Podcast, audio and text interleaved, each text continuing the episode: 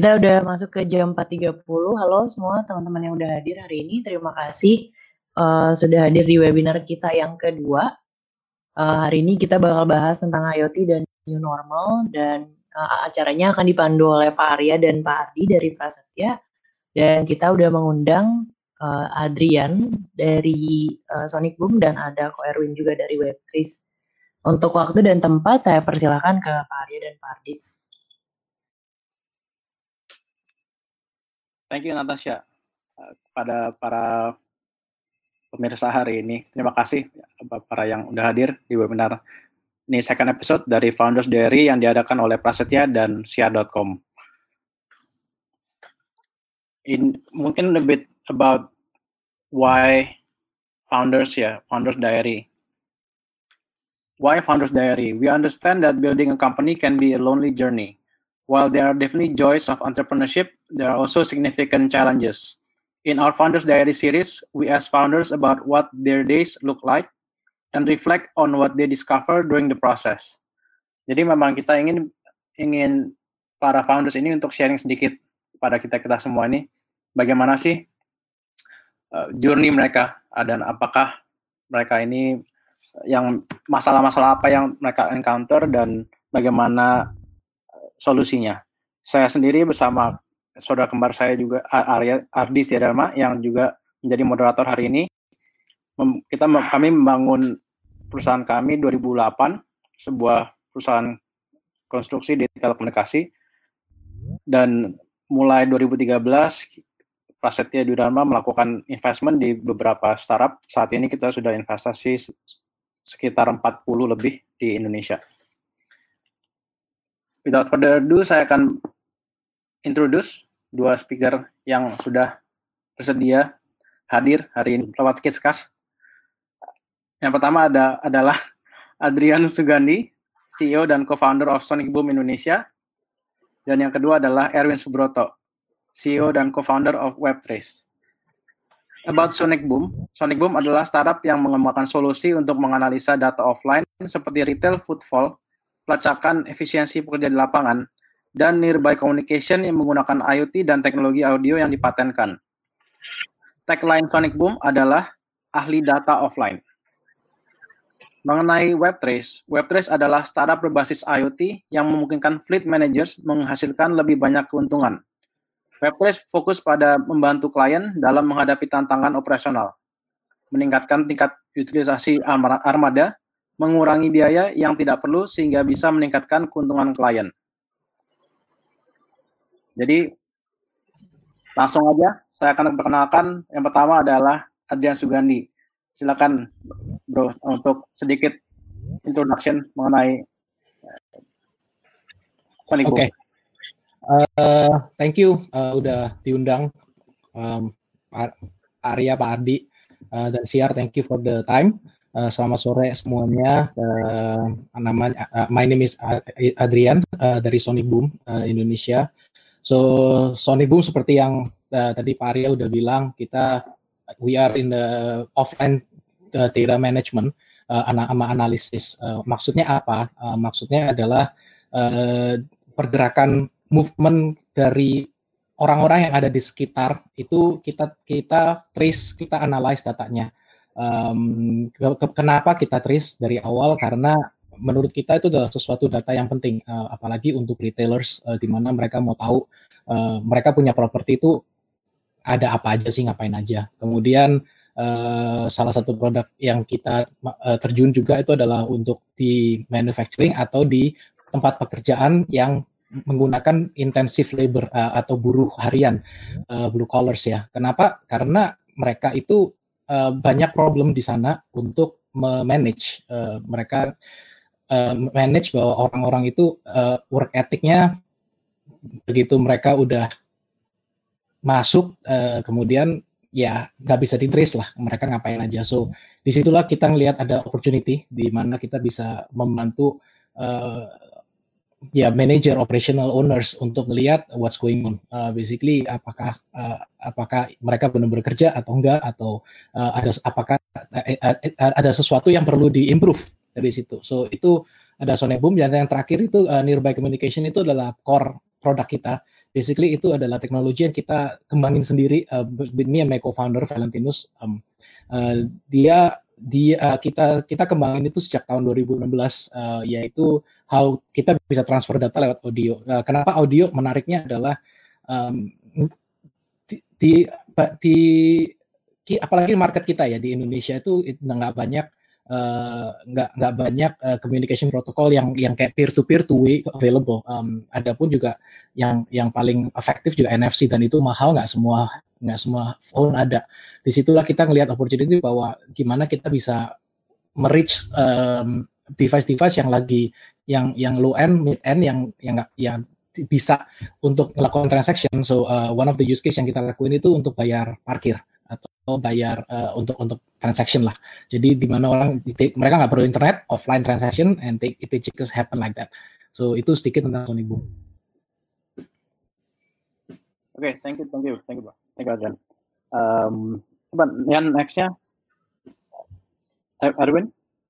Halo, uh, selamat sore semuanya. Thank you for the time, Bro Ardi, Bro Arya, Natasha. Uh, perkenalkan, saya Erwin Subroto. Saya uh, selaku CEO dan co-founder dari Webtrace. Kita di Webtrace adalah uh, sustainable IoT solution provider untuk uh, fleets dan assets, di mana uh, kami menyediakan solusi untuk uh, membantu customers kita, mostly adalah uh, transporters maupun uh, pelaku uh, transportasi darat dalam uh, meng, apa namanya mengoptimalkan produktivitas mereka, utilisasi kendaraan mereka, lalu juga mengurangi uh, yang tidak diperlukan maupun hidden cost yang masih cukup tinggi, serta mengkonvertnya menjadi uh, profit yang uh, lebih untuk mereka seperti itu.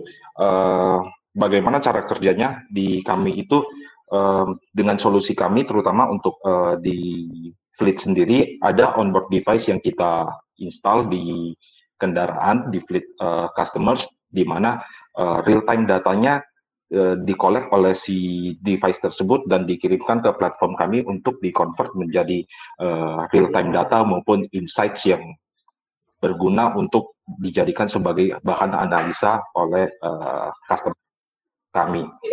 Dan uh, sejauh ini rata-rata uh, mayoritas dari customer kami itu adalah uh, transporters yang pasti, lalu juga ada fleet owner, misalnya dari dari dari perusahaan-perusahaan seperti manufacturers dan lain-lain, termasuk juga perusahaan-perusahaan distribusi seperti itu.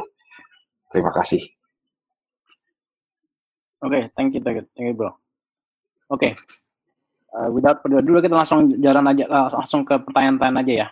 Yang pertanyaan pertama ini saya akan bacakan how do you first respond to the crisis ini karena jam lagi ya kita lagi ada pandemik covid ini kita juga ingin tahu bagaimana startup-startup yang basisnya adalah IoT ini respond to crisis apa eh, apakah ini sebuah sebuah blessing in disguise atau cara bisnis juga terdampak sehingga banyak yang harus dilakukan secara internal juga bahkan bisa mungkin Adrian duluan. Oke, okay, uh, how do we respond in crisis? waktu awal uh, it, uh, waktu awal-awal Desember ya, waktu mulai itu ya kita tahu lah um, di, di tim itu kita tahu it, it will kita pasti datang ke Indonesia, tapi ya memang banyak tim yang keluar lucu-lucu ya bahwa kita banjir aja kayak gini gimana cara corona masuk? Itu lucu. Tapi then we we take it seriously sih. Uh, we uh, di situlah um, kita ngelihat kita we we we lay down uh, efek apa? Uh, we we put down a lot of uh, kayak circuit breaker. Um, uh, kalau misalnya terjadi dan lockdown is mulai mulai terjadi di mana-mana kita ngelihat kalau terjadi di mana. Um, dan kita mulai lihat dari customer base kita uh, naik ke atas. Uh, apa yang bisa terjadi. So um, dan dan unfortunately memang salah satu yang yang yang buat kita yang unfortunate itu customer base terbesar kita dan itu produk kita yang pertama yang yang successfully launch itu retails. Um, basically malls uh, apartemen uh, apartemen kompleks mall sama ya beberapa beberapa uh, kayak ya kayak mall lah tapi nggak yang ada yang gede ada yang kecil ada yang konglomerat. Dan dan kita ngelihat wah ini pasti akan jadi problem. Um, so uh, that's why di situ kita uh, sambil wait and see kita kita try to respond with a, a new something yang lebih ke industri agnostik. Uh, industri agnostik maksudnya adalah kalau retail itu kan benar-benar satu industri um, yang kita analyze di sana adalah um, kalau mall pakai kita, di, um, dipasangin IoT kita sama pasangin teknologi kita di mana-mana di area semua mallnya dia dari basement sampai lantai paling atas sampai bioskopnya, itu mereka mau lihat traffic mereka ngapain sampai ujung-ujungnya gimana caranya mereka bisa ngecharge tenant mereka lebih mahal. Intinya sih gitu sih. Jadi um, just jadi kita bantu mereka untuk lihat traffic um, analyze lah dari pattern, dari masuk, orang masuk berapa lama, ngapain aja, ke mana aja. Nah, kita lihat ini this will be a problem waktu di crisis. So um, we slowly, uh, we kind of lucky, uh, lebih ke arah untung. Uh, we lucky enough to stumble upon one of our uh, client, uh, almost client ya, um, almost client itu dia bilang, hey, uh, your solution itu bisa nggak di-apply untuk something else, uh, different industry. Basically dia punya pabrik juga um, dan dan dia punya pabrik. Memang kenapa pabriknya? Dia bilang gini. So terus dia cerita one of the problem with the pabrik dia adalah ya dia sering kalau ngelihat dia punya buru, uh, ya pegawai harian lah yang memang datang habis clock in tidur uh, ditinggal tidur atau ke warung. Basically that's the whole scenario. So we look at that as an at something dan kita bisa melihat as a jalan ada jalan alternatif. That's what we are going. So um, blessing in disguise uh, kind of um, karena di situ kita bisa mulai spin off uh, one of the product bukan pivot retail masih tetap jalan. Um, surprisingly masih masih it's not as fast as we want it, we don't grow as much as we want di retail tapi di manufacturing di um, di di di, di um, we di beberapa tempat yang yang mereka do a lot of um, daily worker ya kayak blue collar daily worker itu mereka butuh uh, they have the same problem lah intinya So that's where we start seeing and implementing gimana kita bisa nge-track mereka um, uh, productivity mereka gimana sih seharian, uh, apakah mereka benar-benar kerja atau enggak. Um, it's, it's more like a big brother, tapi I, I don't know if it's in a good way or in a bad way, tapi it's, it's kind of become a big brother juga, quote unquote ya. So, the, so itu yang kita lakuin, and and and and, and di masa COVID, um, ya itu that that that, that it, the circuit breaks uh, basically retail tutup SBB happen and then uh, that's what we focusing on uh, lately. Dan then we we luckily we can onboard a few clients lah on on, on in in between. Karena industri agnostik eh, manufacturing terutama industri ada yang turun ada yang naik. So we we cannot aim the one yang memang lagi doing okay lah or, or doing well mostly. Gitu. So it's it's yeah, serem-serem sedap. Um, but then yeah, we we try to like try to look for different opportunities sih um, from from me ya, um, from the team. It's not just me, it's just the whole team kita. We, we it's not it's not team effort lah. It's, it's not it's not just from the founders sih. Kalau secara internal apa ada ada apa namanya yang dilakukan uh, internal? Ada. So dari internal um, uh, So dari internal begitu the circuit breaks, uh, basically Maret mulai the, the Maret we have kita benar kita ngelihat uh, di kita ngelihat um, paling kita ngelihat itu how can we manage and navigate. Um, we kita punya beberapa step. Uh, kalau ini last three months gimana, six months gimana, uh, kalau kalau kita less than a year gimana. Itu yang kita mulai lakuin. Um, di, di secara internal at the end of the day, uh, we karena kita try to develop the uh, produk yang lebih um, untuk untuk yang ke different industry uh, secara internal we have to make a different um, uh, not sacrifice lah lebih arah uh, team effort. So I I call each and every one of them that that, that ya ya that, mulai dari direksi ke bawah it's um the the, the there will be a, some significant um bukan yeah, it's a significant marketing cut cost uh, banyak cut cost lah. Uh, head, headcount so far um, kita enggak uh, kita, headcount ada tapi lebih ke arah unpaid leave. We have to do the one yang memang kalau memang yang biasanya operations uh, yang biasanya sales yang memang udah nggak bisa jalan mau uh, mau nggak mau kita taruh di unpaid leave. Tapi yang the yang engineers uh, we try to talk to them and cater nah bukan cater more like understanding personally ya, mereka how are they doing and and and and and, and make significant adjustment lah uh, di di situ. Oke okay, oke, okay. thank you thank you bro. Mungkin uh, dari Arifin apakah ada similar situation? Uh, gue cukup setuju sama Adrian, serem-serem sedap seperti itu. Uh, kita sih kalau uh, how to respond, uh, kita kalau secara internally sih pastinya kita pertama uh, kita uh, prioritize cost-cost yang mana yang uh, essential, mana yang uh, priority, mana yang mungkin uh, bisa kita tunda ke belakang dulu seperti itu. Itu dari sisi internal. Secara headcount sendiri sih kita uh, tidak ada uh, syukur-syukur sampai sekarang kita belum ada imbasnya kalau dari secara apa namanya secara uh, external point of view-nya kita tentunya pertama kita uh, kita observe kita analisa kira-kira dari COVID ini impact apa yang uh, dan opportunity juga apa yang uh, terdampak secara langsung ke kami dan uh, impact apa yang uh, secara langsung terdampak ke customer kita juga. Karena kita butuh untuk mengerti uh, situasi secara real uh, bagaimana COVID ini situasi COVID ini mempengaruhi uh, keadaan di, di, di proses bisnis di customer-customer kita. Yang ketiga uh, dengan me, setelah mengobserv dan mengerti baru kita uh, lakukan uh, kita ber, apa namanya beradaptasi dengan uh, bagaimana strategi uh, bisnis yang kita lakukan ke uh, ke existing customers maupun ke ke ke apa namanya ke new potential customers seperti itu sih. Kalau dalam internalnya secara manajemen secara manajemen uh, kita sih tentunya pasti kita melakukan uh, apa namanya praktek-praktek yang yang yang yang yang yang digariskan oleh pem, uh, pem, uh, apa namanya Pemda ya Pemda Jakarta uh, selama PSBB ini karena kita kan kebetulan sebagai salah satu uh, apa ya namanya startup yang mendukung uh, industri logistik. Jadi uh, karena customer kita selama PSBB ini juga uh, mayoritas dari mereka tetap harus berjalan, jadi kita juga tetap harus melakukan memberikan service ya seperti itu. Jadi uh, kita dari sisi apa namanya dari sisi internal kita kita ada melakukan uh, uh, apa namanya uh, jadwal shift hal-hal seperti itu sih yang yang yang digariskan oleh Pemda selama PSBB kemarin. Nah, kalau misalnya software base startup ya, itu kan misalnya ada ada masalah bisa remote troubleshooting. Betul. Kalau IoT kan kadang-kadang bisa masalah hardware-nya juga. Betul. Nah, selama COVID ini gimana? Kita sih ya itu.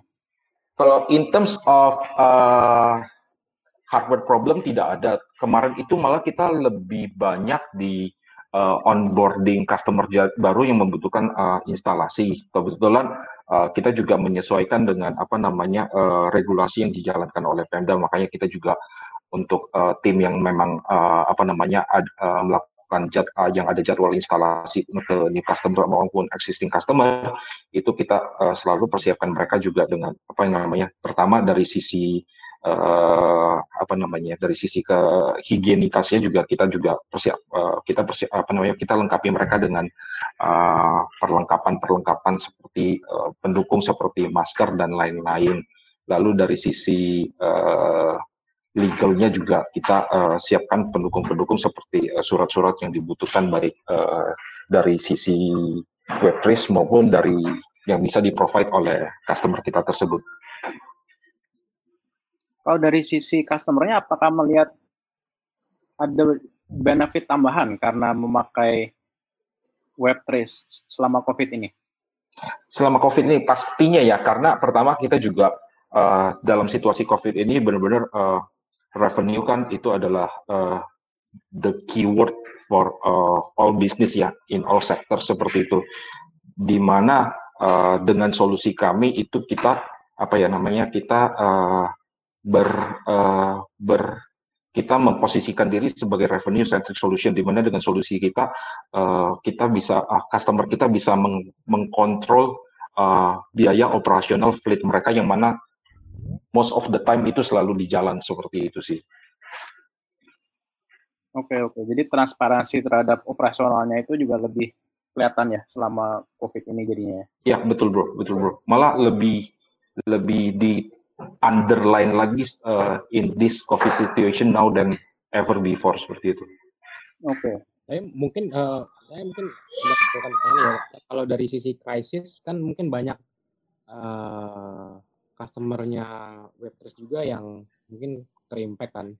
Nah, apakah ada impact mundurnya ke Web3 juga ya? Kalau dari sisi kita, syukur-syukur sih sampai sekarang ini, uh, at the moment itu um, yang paling apa ya, yang paling yang paling signifikan sih umumnya customer mereka minta uh, longer payment terms, payment delay seperti seperti itu sih.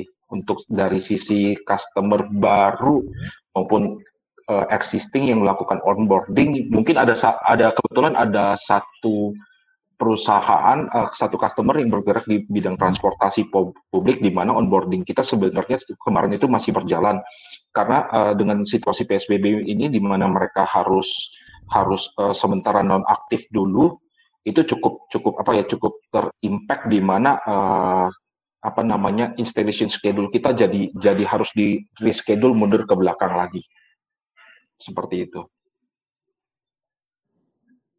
Okay. Oke okay, oke, okay. thank you thank you bro. Thank you thank you. Nextnya uh, Ardi yang. Uh, lanjut ke pertanyaan kedua ya. Uh, how do you turn a crisis into an opportunity? How does a new normal mean to your business in IoT? Jadi mungkin uh, dengan krisis ini, apakah uh, kalian sebagai uh, startup yang fokus in the in IoT uh, industry memiliki opportunity baru nih. Uh, ya, yeah, how does a new normal? Jadi bagaimana itu berarti ya terhadap bisnis kalian gitu. Mungkin dari uh, Erwin dulu kali ya.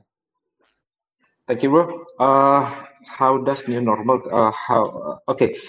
di kalau di menurut di point of view kami di Webplace kita selalu uh, ber apa namanya berprinsip untuk selalu optimis ya. Di balik setiap uh, di balik setiap uh, krisis tentunya selain impact pasti ada opportunity yang bermunculan. Kalau di kami sendiri opportunity itu uh, termasuk salah satunya adalah problem-problem baru yang yang yang yang apa namanya yang lebih signifikan artinya uh, bagi customer kami uh, di mana problem-problem uh, tersebut butuh problem solving yang apa namanya yang tentu dengan uh, dengan dengan dengan dengan analisa dan kreativitas kita bagaimana kita bisa bisa memanfaatkan problem-problem tersebut untuk uh, kita ubah menjadi uh, apa namanya satu pemecahan masalah yang lebih signifikan lagi untuk customer-customer uh, kita. Itu yang pertama. Lalu yang kedua dari sisi existing customers juga tadi juga sepertinya uh, tadi saya mention sebelumnya kalau ada beberapa yang apa namanya uh, seperti uh, minta uh, kelonggaran pembayaran hal-hal seperti itu kita juga selama itu masih uh, di dalam um, kewajaran dan kemampuan kita kita juga uh, support ke mereka uh, sebagai satu bentuk customer support yang uh, tentunya menurut kita akan meningkatkan nantinya uh, customer lifetime dan customer loyalty ke kita ya karena gimana pun kita juga uh, harus uh, um, antara antara waitress dengan customer kita selalu uh, support dua arah sih seperti itu.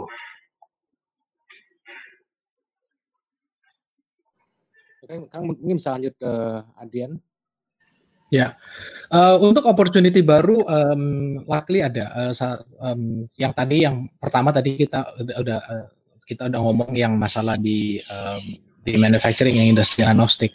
Um, itu yang make it's, it's a new opportunity buat kita karena di situ kita ngelihat bahwa um, um, kita ngelihat ya bahwa itu ada is there's always a there's always a sunshine di on the other side lah uh, the opportunity. Tapi yang yang mau di highlight itu uh, more on the ngelihat how uh, ngelihat problemnya tuh gimana. Um, um, salah satu dari kita punya um, salah satu dari kita punya biggest client customer itu kan um, uh, retail, uh, mall. Jadi kita tahu malls tutup semua. So at the end of the day um, uh, buat yang yang buat kita lumayan uh, beruntung itu adalah semuanya homemade. Uh, di, di, dari dari IoT sampai teknologi sampai belakang itu semua homemade. Jadi kita bisa shift pretty quick ya. Um, so ki, kita help our customer um, untuk uh, see a problem in a different way sih. Dari sebagai contoh uh, retail customer kita itu mati, tapi ada satu retail customer yang malah hidup seperti supermarket atau uh, retail uh, kayak convenience store, are convenience minimarket lah.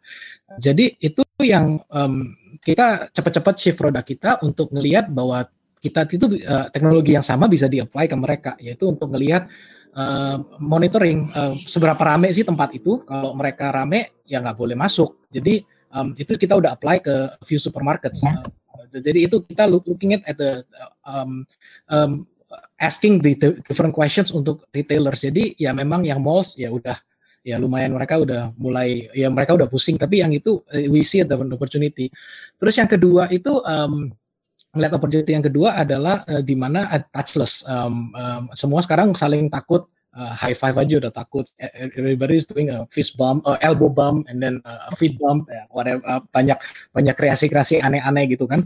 So kita ngelihat kalau touch itu problem, um, uh, kita we enrich our feature sih lebih ke arah untuk yang lebih ke manufacturing sama yang uh, pegawai restoran, uh, yaitu untuk yang, yang we call it sonic worker. Jadi itu um, untuk pekerja-pekerja.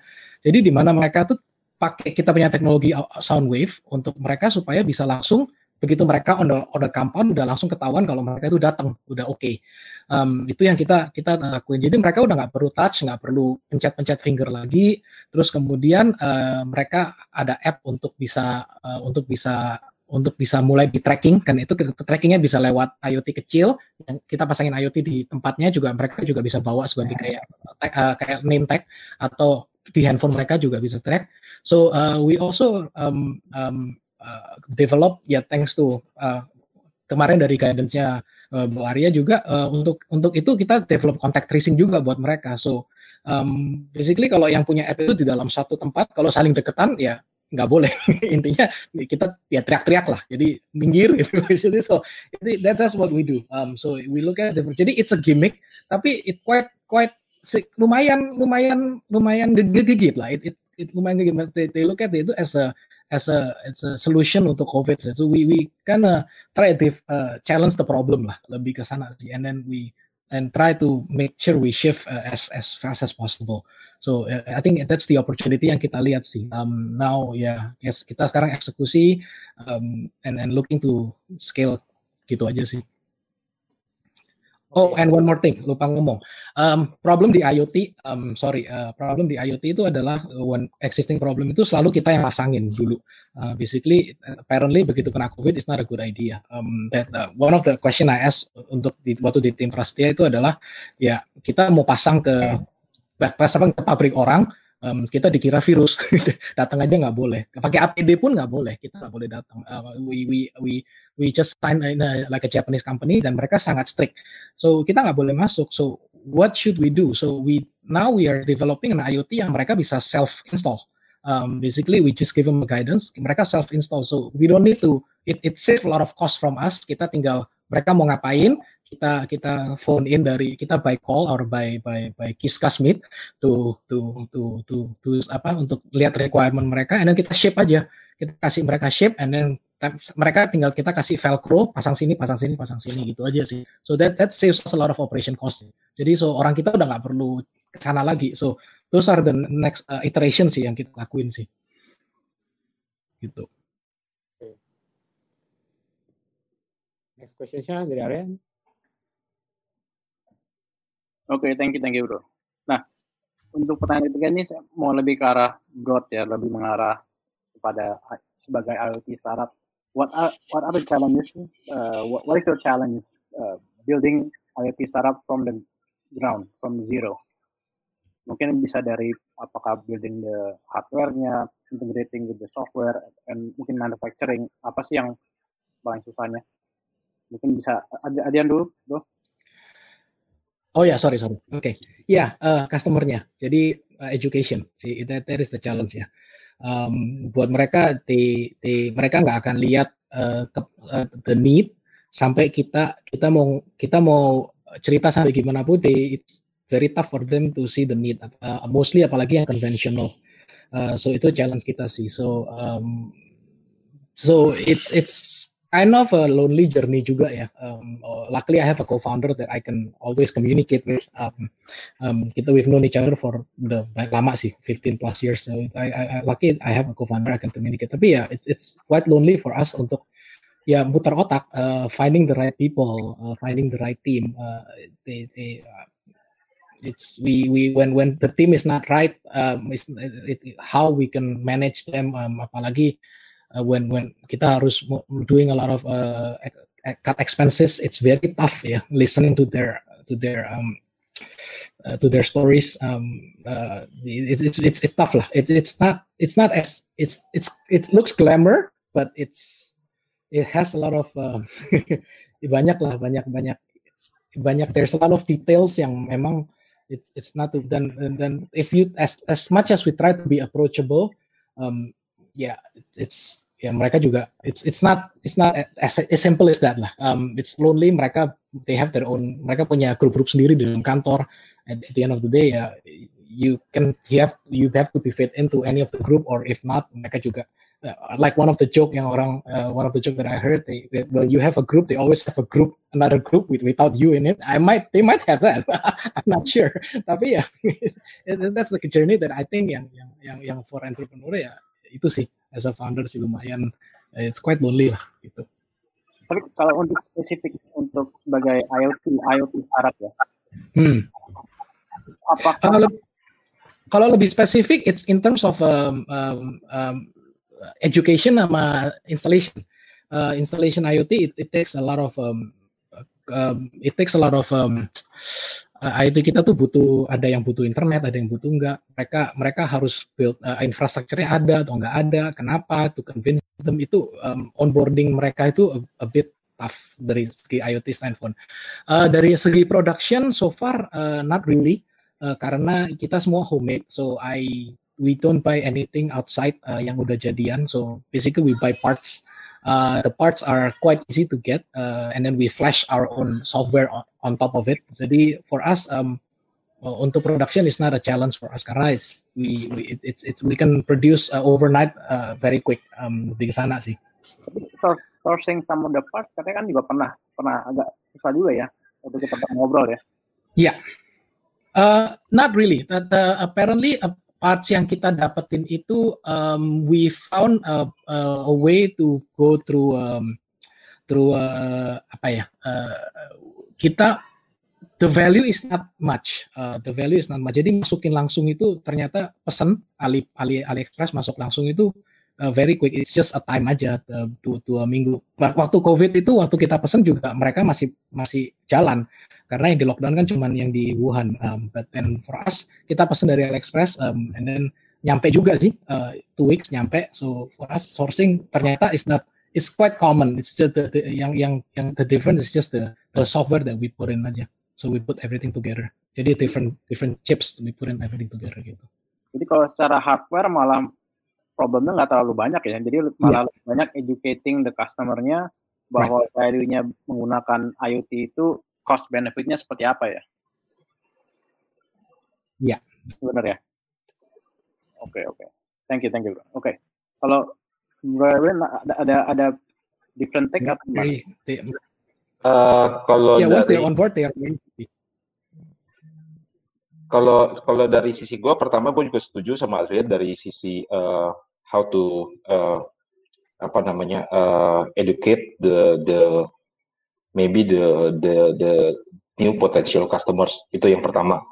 Yang kedua menurut kita yang paling uh, cukup apa namanya uh, cukup problem adalah uh, internet connectivity di Indonesia.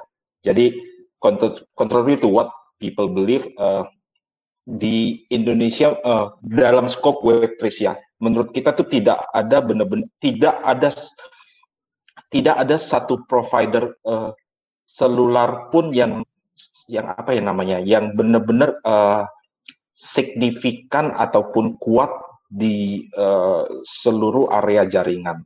Karena kan kebetulan kalau misalnya uh, apa namanya orang-orang uh, biasanya bicaranya oh si ini kan pasti kuat seperti itu. Enggak selalu juga walaupun dia kuat di sini pasti dia ada satu uh, ada ada walaupun dia kuat di area sini mungkin dia ada black spot juga di area yang lain seperti itu sih.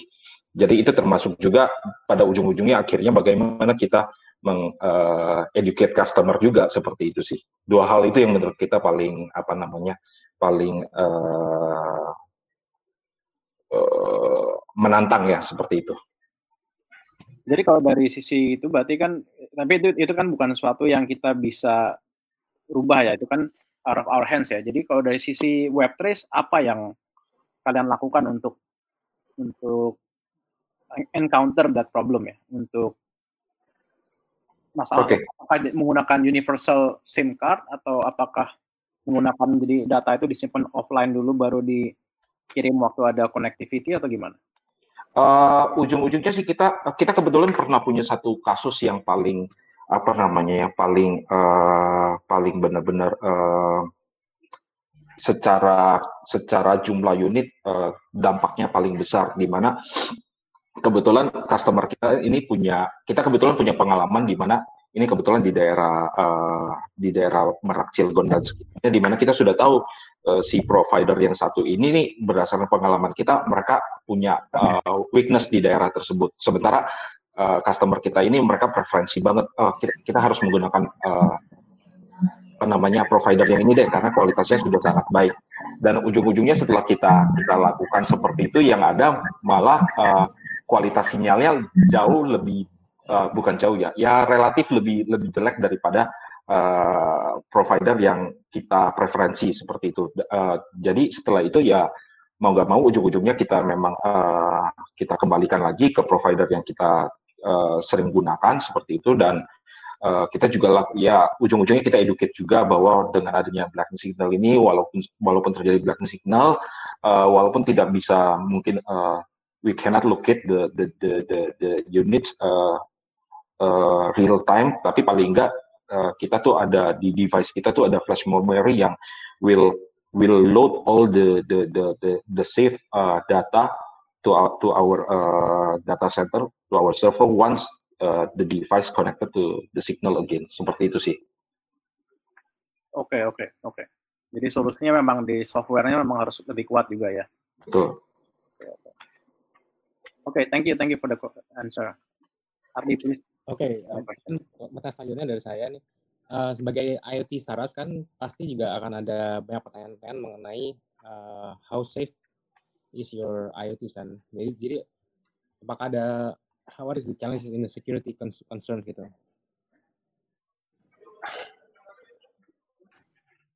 Uh, ini untuk siapa dulu bro? Iya mungkin untuk uh, Erwin dulu deh. Oke okay, oke. Okay. Ini dari sisi dari sisi data bridge seperti itu ya bro ya? Ya dari data bridge atau dari IoT-nya sendiri kan you know Oke. Okay. okay. Kalau dari sisi uh, kami sih kebetulan uh, dari Webplace kita sendiri juga menerapkan enkripsi di mana uh, apa namanya data-data uh, data-data tersebut tidak apa namanya um, sudah kita secure se secure mungkin seperti itu. Uh, lalu yang kedua juga data-data uh, yang masuk itu sebenarnya walaupun misalkan bisa dikatakanlah bisa diambil atau bagaimana, uh, tetapi itu hanya berbentuk uh, itu, itu berbentuk data di mana tidak kita flag dengan istilahnya itu tidak kita flag data ini milik unitnya siapa seperti itu. Karena itu semua berdasarkan uh, apa ya namanya kalau kita sebut tuh uh, di dengan dengan dengan customer kita tuh kebanyakan seperti nomor pintu. Jadi walaupun mereka punya data uh, walaupun mungkin siapa siapa pun bisa melakukan uh, pencurian data tetapi mereka tidak mengetahui data ini datanya siapa seperti itu. Oke. Uh, tapi pernah ada isu nggak sih kalau mengenai uh, security itu? Um, apa yang mungkin kalian harus uh, membuat sesuatu untuk counter gitu? Uh, sejauh ini sih dengan uh, enkripsi yang kita punya kita relatively uh, we don't have any issue yet to the moment. Itu yang pertama dari sisi customer juga sebenarnya sampai sekarang walaupun kita tetap kita harus maintain uh, the security of our data uh, dari sisi mereka sendiri juga um, sejauh ini belum pernah ada yang sampai istilahnya mereka butuh uh, apa yang namanya uh, specific detail about uh, how to treat the data. Nah, mungkin apakah ada langkah-langkah tertentu yang kalian lakukan itu juga untuk uh, misalnya mungkin apa hire security consultant atau apa gimana? Hmm, ke- kebetulan kalau dari sisi kami eh, ada eh, security yang kita lakukan, makanya kita eh, lakukan end-to-end eh, encryption with eh, our platform and our eh, data storage as well sih. Seperti itu. Ada juga. Oke. Oke, mungkin kalau dari Ad- Adrian, Kalau dari segi IoT security itu kita ada yang pertama dari segi data ya, dari segi data keamanan data, em, kita pernah kena breach. Dan kita down satu minggu, em, ya customer marah-marah, eh, ke, ke kita nggak nggak tahu di itu breach itu diambil atau enggak. Kita kita kita lihat leaknya kelihatannya enggak, tetapi eh, yang hackernya manage untuk menghapus data kita semua. Untung kita ada backup. So itu ya kita kita belajar banyak dari situ. Itu tahun lalu. em, itu tahun lalu first our first client itu tahun lalu kena. So we we learn a lot. Uh, so recently dal- dalam beberapa bulan terakhir ini kita implement yang namanya zero knowledge. Zero knowledge uh, zero knowledge encryption. Basically kita ada multiple encryption, uh, time rolling, uh, kemudian standard encryption uh, di di di audio kita kita kasih uh, banking standard um, uh, banking standard uh, challenge gitu uh, kita kasih kita we implement the same thing kemudian uh, ke- kemudian dari zero knowledge meaning kita nggak akan tahu data apa yang dikirim. Tahu pun kita ada multiple server yang kita udah cover. Jadi mereka um, mereka nggak mereka tahu satu belum tentu tahu lain lah. Jadi um, so um, kita every customer they have their own um, hash uh, bukan hash ya lebih kayak um, encryption key yang berubah terus um, yang yang kita juga nggak tahu so at the end of the day um, uh, certain da- data yang sensitif kita gituin certain data yang nggak sensitif seperti agregat uh, agregat agregat data mereka pergerakan orang uh, itu itu mereka decide not to do it karena dan kita kerjasama dengan dia juga karena data itu karena kita bisa pakai untuk yang lain so itu kita nggak kita encryptnya lebih weaker.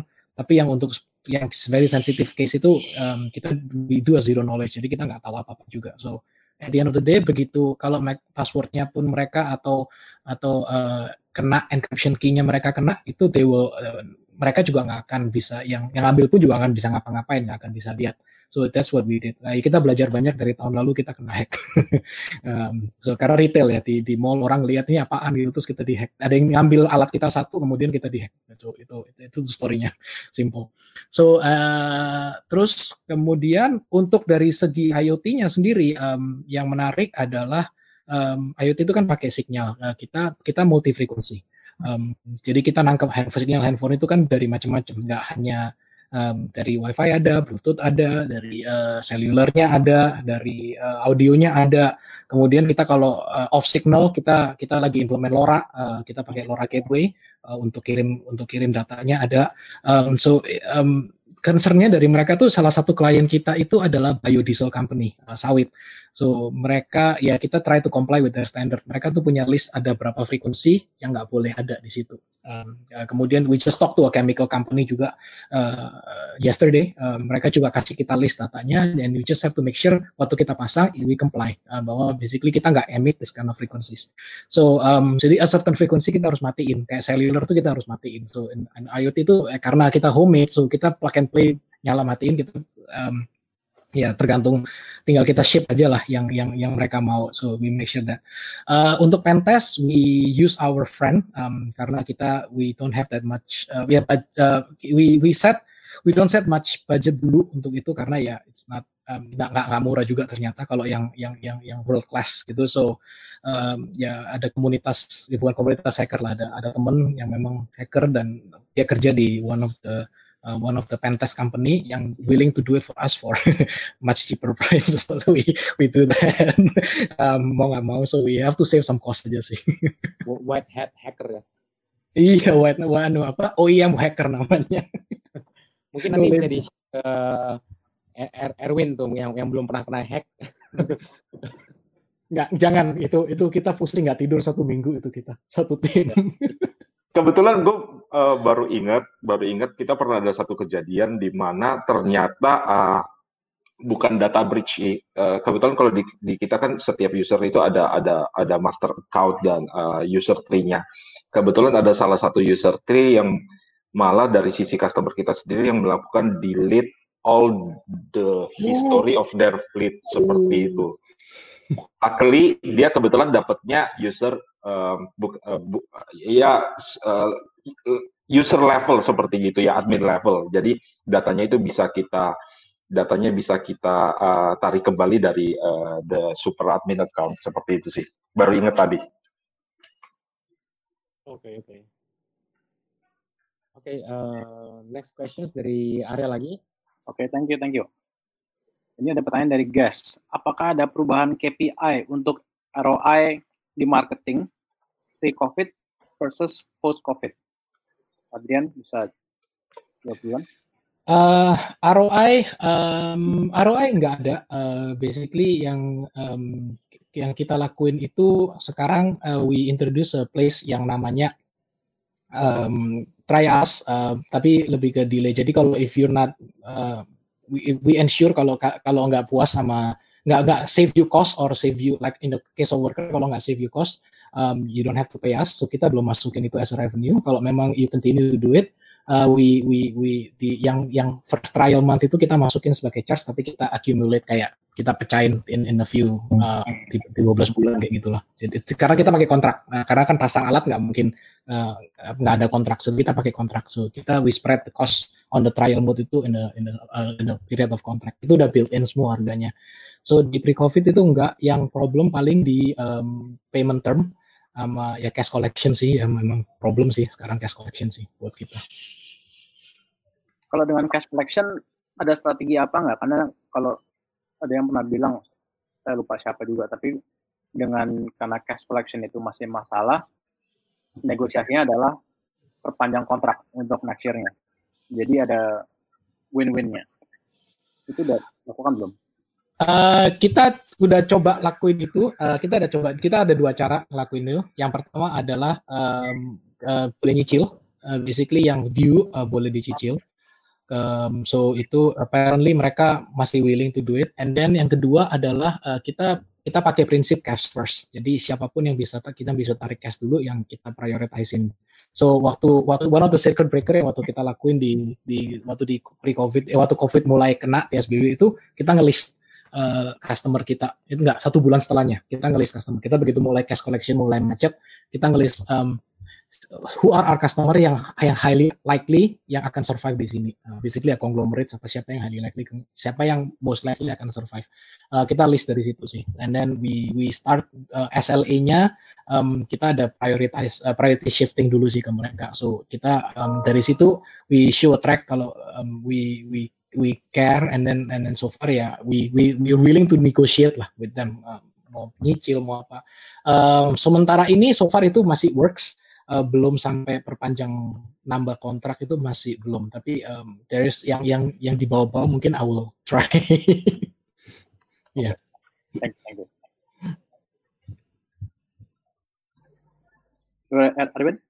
Uh, kalau dari kita bro, uh, strategi marketing kita selama uh, post covid ini kita uh, kita switch ke uh, lebih ke direct ya, lebih ke ke new potential customer seperti Adrian tadi.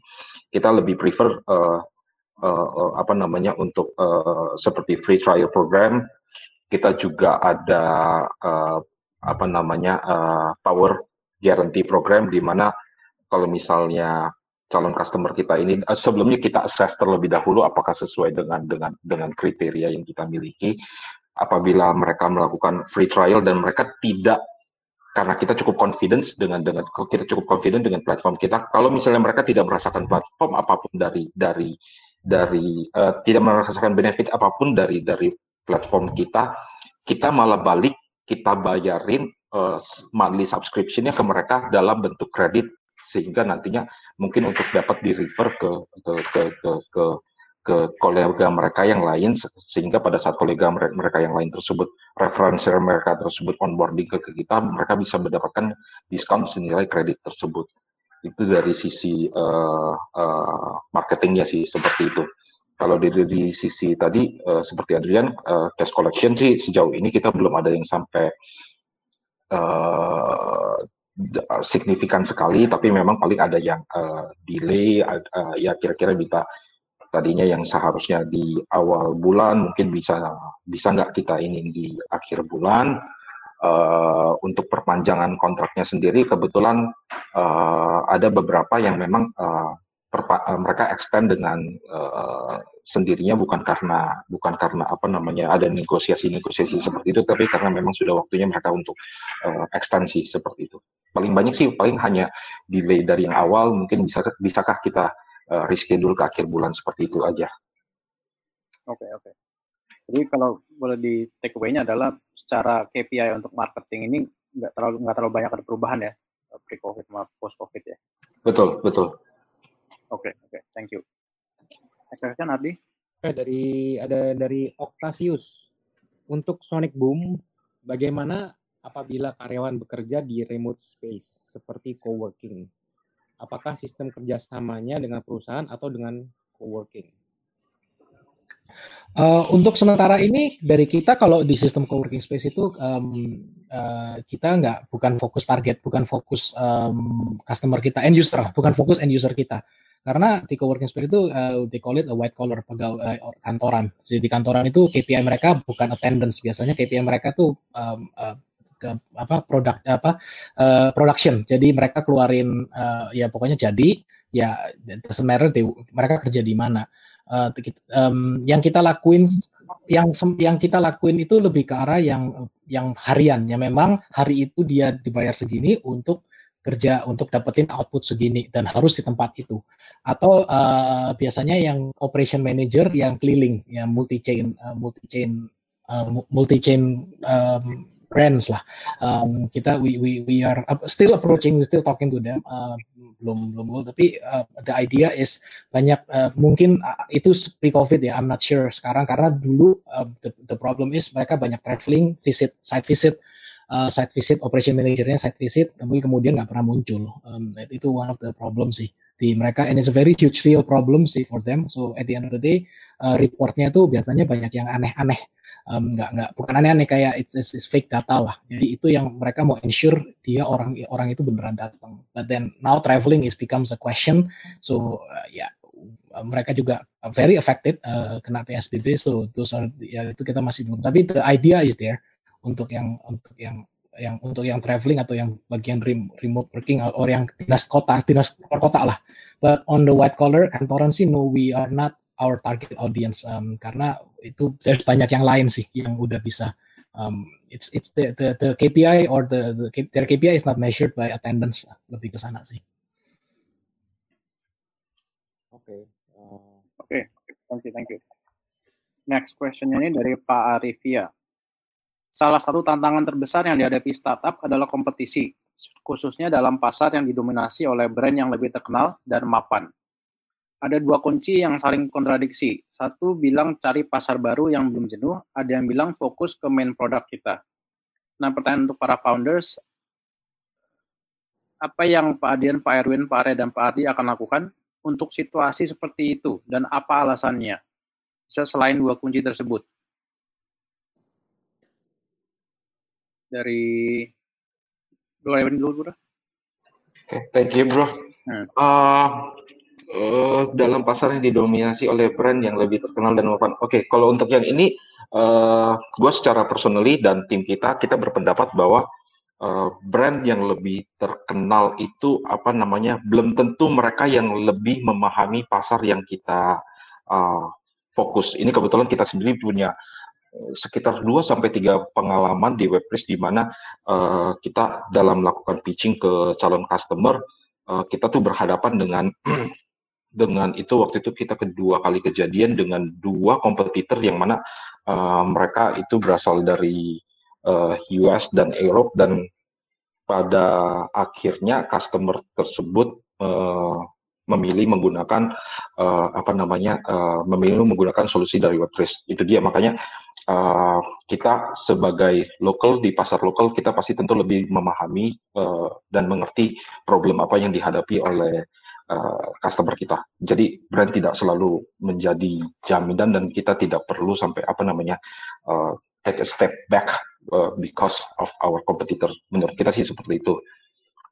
Lalu yang selanjutnya apa ya? Uh, Bahwa apa, fokus di main produk kita atau mencari pasar baru yang yang belum jenuh? Oke, okay. kalau kita sih uh, kebetulan kita kan produknya sudah ada. Kalau menurut kita sih fokusnya lebih kepada problem apa yang dimiliki oleh pasar, problem apa yang dimiliki oleh customer kita. Lalu bagaimana uh, solusi kita kita set solusi kita bisa di implemented to solve uh, the customer's problem. Seperti itu sih. Oke. Okay. Thank you, thank you. Kemudian Um, I, I agree completely sama Bung Erwin. Basically, we we focus on the problem. Um, kita ngelihat problem apa yang exist di market. Um, um, dan dari dari situ kita bisa lihat lah um, what can we bring solution. Karena every market every market lagi kalau for us human itu kan tiap negara pasti beda. Um, so uh, itu yang itu kalau komputer dari luar. And fortunately memang belum ada sih yang bikin mirip-mirip kayak kita masih belum ya. Um, so so far yang uh, application-nya kayak gitu. Yang kedua SLA uh, itu yang yang yang biasanya key buat kita um, di mana kita bisa support mereka sih. Uh, kalau kita we always talk, kita harus selalu bilang sama mereka we always one call away or one text away. Jadi um, uh, ya we build relationship sih sama sama ke customer lebih. Jadi so um, that relationship itu mereka yang bisa kadang-kadang trust untuk kita oh ya um, we we we we will support you karena we are seeing the same problem uh, and then we are attacking on the same problem. Kalau but not everybody is our uh, memang it's not everybody is our um, bukan not everybody will be our client tapi at the end of the day yang relationship itu kadang-kadang um, ya key winning kadang-kadang juga it happens from a relationship juga. And then SLA kalau memang enggak uh, new customer yang kita baru kenalan um, we, we we we we kita kita make sure di SLA kita sih. Um, so kita nggak lebih ke sana sih Oke. Okay. Kalau, kalau tadi fokus main produk atau yang, yang belum bunuh gimana? Main produk atau pasar baru yang belum bunuh? Uh, dua-dua ya. Um, gimana ya? Pasar baru belum jenuh. Kalau kalau kita bisa ngelihat problem yang ada, itu berarti pasarnya belum jenuh. Tuh ya, look at it. Kalau problem itu udah vanish, uh, I think pasar itu ya udah rame ya tinggal orang yang gede-gede tinggal scale. Um, um, and then ya memang mungkin ada opportunity tapi it's it's very tough lah, expensive um, uh, to at it. Terus main product uh, ya product product has to evolve karena at the end of the day uh, kita we can always move ahead. Jadi kita mungkin bisa ahead dan kalau memang ada uh, we can always move ahead tapi ahead itu by uh, by a certain timeline. Kayak six months kita ahead by one year or by two years. Karena uh, same solution can appear anytime but then uh, how fast can we keep on moving ahead aja sih. Jadi I think I nggak nggak salah satu nggak nggak nggak salah satu sih. I think both it's uh, need to be make sure that kita we have to be anu lah on on our feet uh, make sure that we know what's going on aja sih. That's the way I look at it sih. Dan ini ada pertanyaan tambahan juga dari Pak Arif ya ini dari tiga, tiga tantangan lainnya seperti konsumsi daya, keamanan sensor, atau inter, apa, inter, interoperabilitas API integration, itu ya dari tiga itu yang mana yang paling berat? Kalau dari kita uh, baterai listrik itu paling berat. So karena um, um, kita kebanyakan deployment kita di lapangan, so um, different uh, different environment it affects differently. Jadi um, yang di dekat laut, um, yang di dekat laut ternyata it perform lebih different daripada yang ada di dalam mall indoor. Meskipun uh, kita punya spek sama, um, terus ya, yeah, and then range apa segala, tapi yang most of the time uh, baterai sih. Uh, itu paling paling tantangan paling gede, baterai atau listrik. Ya, terus ya, karena itulah juga ada yang LoRa itu kan. Ya. Untuk benar. that problem. Correct. dan juga low power ya. Ya. Oke, okay, oke. Okay. Kalau dari Bro Erwin, apakah sama juga daya juga atau beda? Sorry, sama juga bro. Kita dari konsumsi daya juga karena uh, device it, kita itu kan ngefit dari dari uh, baterai di kendaraan ya. Dan kebetulan uh, dari skopnya Web3 sendiri kita tuh ada beberapa uh, apa ya sekian persen uh, fleet milik customer itu sebenarnya yang sudah tidak uh, sudah tidak layak jalan tapi masih digunakan sehingga mempengaruhi uh, konsumsi listrik dari device kita seperti itu. Tapi kan apa ada solusi lain? Karena kalau LoRaWAN kayak nggak mungkin ya di, di, diterapkan di di web web trace ya. Betul, karena kan uh, main power main source-nya itu adalah dari si uh, apa namanya dari si baterai uh, kendaraan itu sendiri. Jadinya kita tuh ada semacam uh, alert untuk uh, power cut. Jadi sehingga kalau misalnya low bat dari baterainya itu sendiri akan muncul di di di, di uh, uh, apa namanya monitoring centernya customer kita sehingga uh, mereka ternotify seperti itu bahwa sudah saatnya uh, baterai kendaraan mereka itu untuk diganti sehingga uh, device dan kendaraan itu sendiri bisa berjalan secara optimal. Jadi secara nggak langsung juga ngasih benefit terhadap terhadap customer-customer ini mengenai apa kesehatan terhadap baterai tersebut ya. Betul, betul bro, betul. Salah satu contoh juga ini kebetulan uh, kita ada satu contoh kasus nih customer kita uh, uh, kebetulan mereka menggunakan sekitar uh, uh, di uh, solusi kita untuk sekitar kalau nggak salah 47 something uh, fleet uh, bike mereka. Jadi mereka tuh punya tim rider untuk melakukan collect payment ke ke ke, ke customer-customer mereka seperti itu.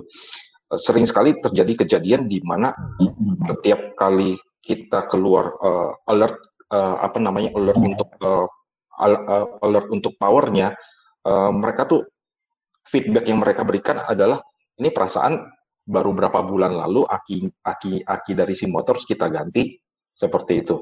Uh, akhirnya setelah di trace back ternyata si ridernya itu melakukan pengganti pembelian akinya itu bukan yang baru tetapi yang second tetapi seperti dibarukan seperti itu. Jadi itu menjadi salah satu benefit untuk mereka juga. Oke, okay. oke, okay. oke. Okay. Thank you, thank you. Ini karena Pak Arif juga nanya nih ke saya dan Pak Ardi. Mungkin kalau saya jawabnya juga bahwa ini tergantung ya. Main produk kita ini life cycle-nya itu lagi di mana? Apakah masih early atau udah udah mulai mature? Jadi tergantung itu di mana where is our product life cycle is. Kalau udah mulai mature dan bakal di disrupt oleh new product, udah waktunya juga sebagai company itu untuk mulai mencari solusi baru atau produk baru yang yang bisa disrupt a new market. Kalau saya menurut saya itu ya. Oke, okay, next questionnya, Pak Ardi bisa bawa. Untuk Web3 nih, uh, apakah customer bisa membayar sesuai uh, persentase dari biaya yang customer hemat setelah memakai Web3? Oke, okay, uh, eh, thank you bro. Ini kita lihat uh, case by case ya. Tapi kita pernah nge-shoot uh, solusi seperti ini untuk uh, kebetulan salah satu customer mereka di mana fleet mereka itu semuanya adalah wing box dengan 20 roda seperti itu. Uh, sering sekali terjadi, terjadi kejadian di mana uh, lifetime bannya mereka itu tidak sesuai dengan uh, apa ya namanya tidak sesuai dengan uh, standar dari pabrikan dan berdasarkan analisa dari report kita itu kita sampai bisa locate uh, di mana terjadi uh, apa ya penadahan yang mungkin penadahan uh, ban kendaraan mereka.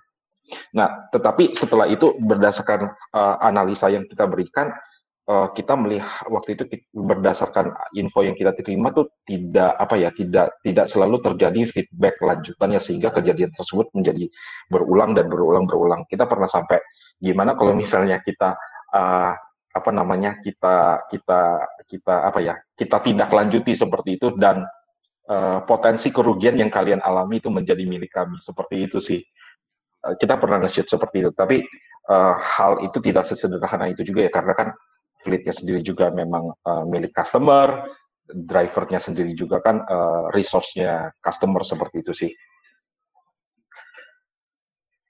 Oke, oke. Jadi kita mungkin mesti ngeliat case by case seperti itu. Ya, ya. Okay. Kalau dari Sonic Boom apa aja ada nggak yang mirip yang seperti itu?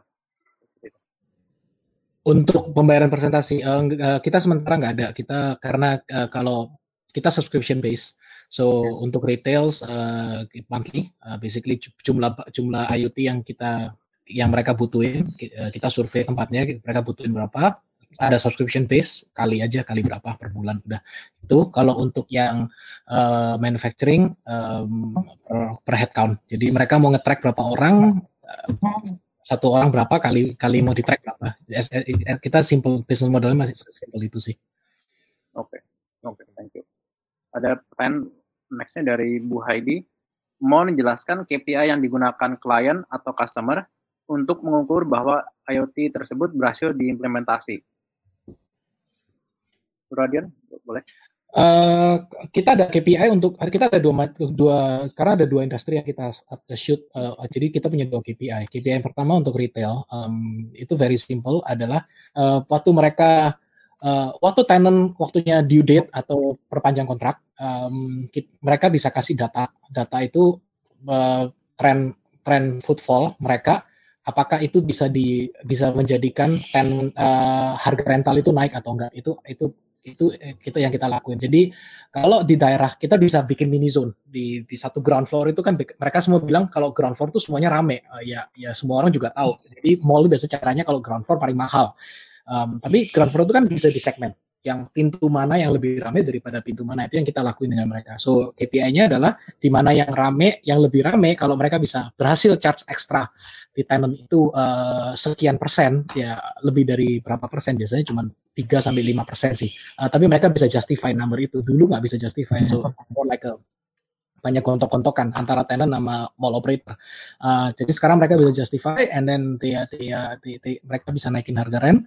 Ya itu bagus. Untuk untuk saat ini bukan naikin harga rent tapi untuk maintain the same rate gara-gara covid. Uh, so mereka nggak ada yang uh, jadi an sekarang antara minta uh, rent holiday sama maintain harga itu yang sekarang mereka yang lagi itu. Jadi data kita masih nggak tahu belum belum kita belum tahu lah kepakainya gimana karena tapi um, we'll see from yang minggu depan ini mulai masuk mall kita mungkin baru mulai dipakai untuk untuk justify uh, itu. Terus untuk yang worker uh, IoT yang dipakai adalah kita ambil baseline. Ambil baseline itu dari mana uh, departemen mana dulu yang mau di, dicek ada ada yang produksi ada yang packaging. Uh, kita mulai biasa ambil dari situ. Yang paling yang paling gampang lah. Misalnya packaging. Satu tim ada 20 orang sampai 30 orang packaging. Satu hari itu keluar berapa box uh, di situ. Nah dari keluar berapa box itu kalau kita pasangin di tim itu aja atau trial uh, mereka bisa um, kita kasih baseline. Kira-kira mereka kerjanya tuh kayak gini. Terus kemudian kita kasih kita kasih tahu kalau uh, the, the next month kita enforce sama mereka, eh ternyata kalian itu kerjanya cuman efektif cuma lima jam loh, bukan dari 8 jam misalnya. Uh, so mereka mereka tahu kalau mereka di enforce dan di, di, dilihat. Jadi jadi ada yang ngeliatin gitu. Apakah itu naik produktivitas? Nah uh, atau dikasih sebagai insentif supaya mereka lebih rajin. Nah, terus kita bisa prove it with you kalau kalau memang iya ada naik ya itu berarti KPI kita berarti that what we are installing itu berhasil um, most of the most of the time uh, bukan dari pegawai uh, most of the time yang problem itu pegawai lama bukan pegawai baru. Um, tetapi di pegawai baru yang di buruh harian baru yang kita lihat pro, ya, yang kita lihat problem itu adalah the effectiveness of training. Uh, waktu kita ngetri waktu or, waktu HR ada orang set orang baru dari buruh itu kan datangnya per set per set. Apalagi belum dari datang dari kampung uh, per set uh, kita ada salah satu klien kita uh, uh, tukang potong gergaji bikin kusen pintu.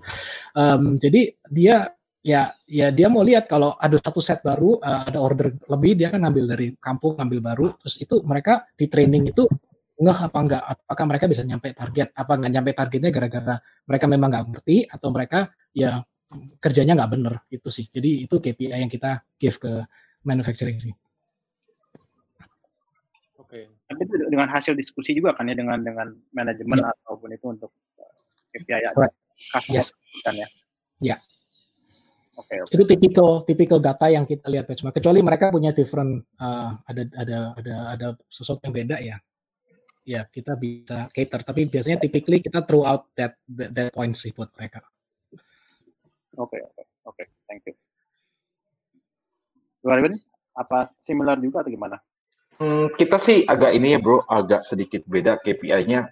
Uh, kalau secara main KPI-nya sih pastinya berhasil di, diimplementasi atau tidaknya bagai, uh, adalah dilihat dari seberapa efficient cost can be saved by our by our customers ya.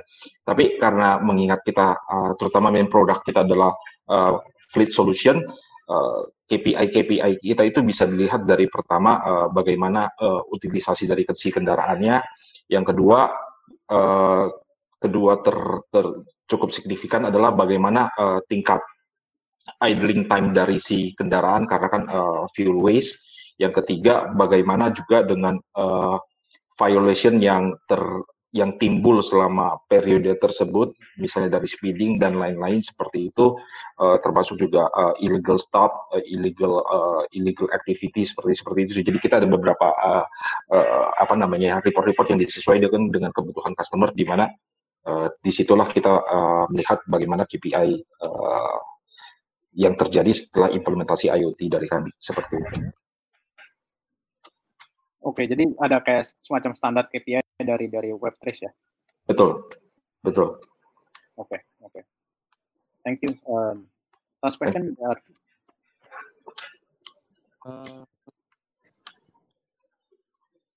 any special uh, takeaway that you want to share with the audience? Mungkin dari dari kayak proses selama membangun startup ini.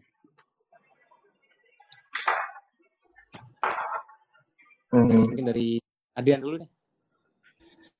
Uh, selama membangun startup, um, quick question, eh, quick, uh, quick answer. Yeah, um, use all the support that that we can have. Um, uh, um, we are lucky enough to have a good support uh, system di di kita. Uh, Prasetya is, is one of the the one of the yang yang it, it gives a very good support lah dari dari awal sampai um, business modeling dari kita dari um, nggak ngerti apa apa sampai so I think I think um, uh, look as many support as possible karena it's not uh, it's it's glamour but it's not as simple as it seems. Okay. Thank you. Uh, Erwin. Uh, kalau dari gua, gue setuju dengan Rian. Uh, collaboration support uh, dari sebanyak apa pun yang bisa kita dapat, lalu kita juga have to be tough, be resilient, be tenacious, seperti itu aja sih. Yeah. Thank you. Uh, I think that was the last question ya, yeah? uh, the, last ya, yeah? uh, for the speakers. Thank thank you uh, Erwin dan dan Adrian juga untuk hari ini. Um, dan untuk apa para uh, pemirsa ya, uh, kita akan kirim email untuk uh, mendapatkan feedback uh, dan juga di email tersebut akan ada apa form application untuk uh, Amazon Web Service. Nah, dari Amazon Web Service uh, akan mereview uh, apakah uh, perusahaan Anda bisa mendapatkan uh, Amazon Web Service credit free, free credit sebesar uh, 5.000 US dollar. Ini terutama untuk para startup ya? Iya. Dan uh, kalau masih ada pertanyaan lagi, nanti uh, apa bisa kirim email juga ke redaksi at siar.com. Um, dan nanti akan kita tampilkan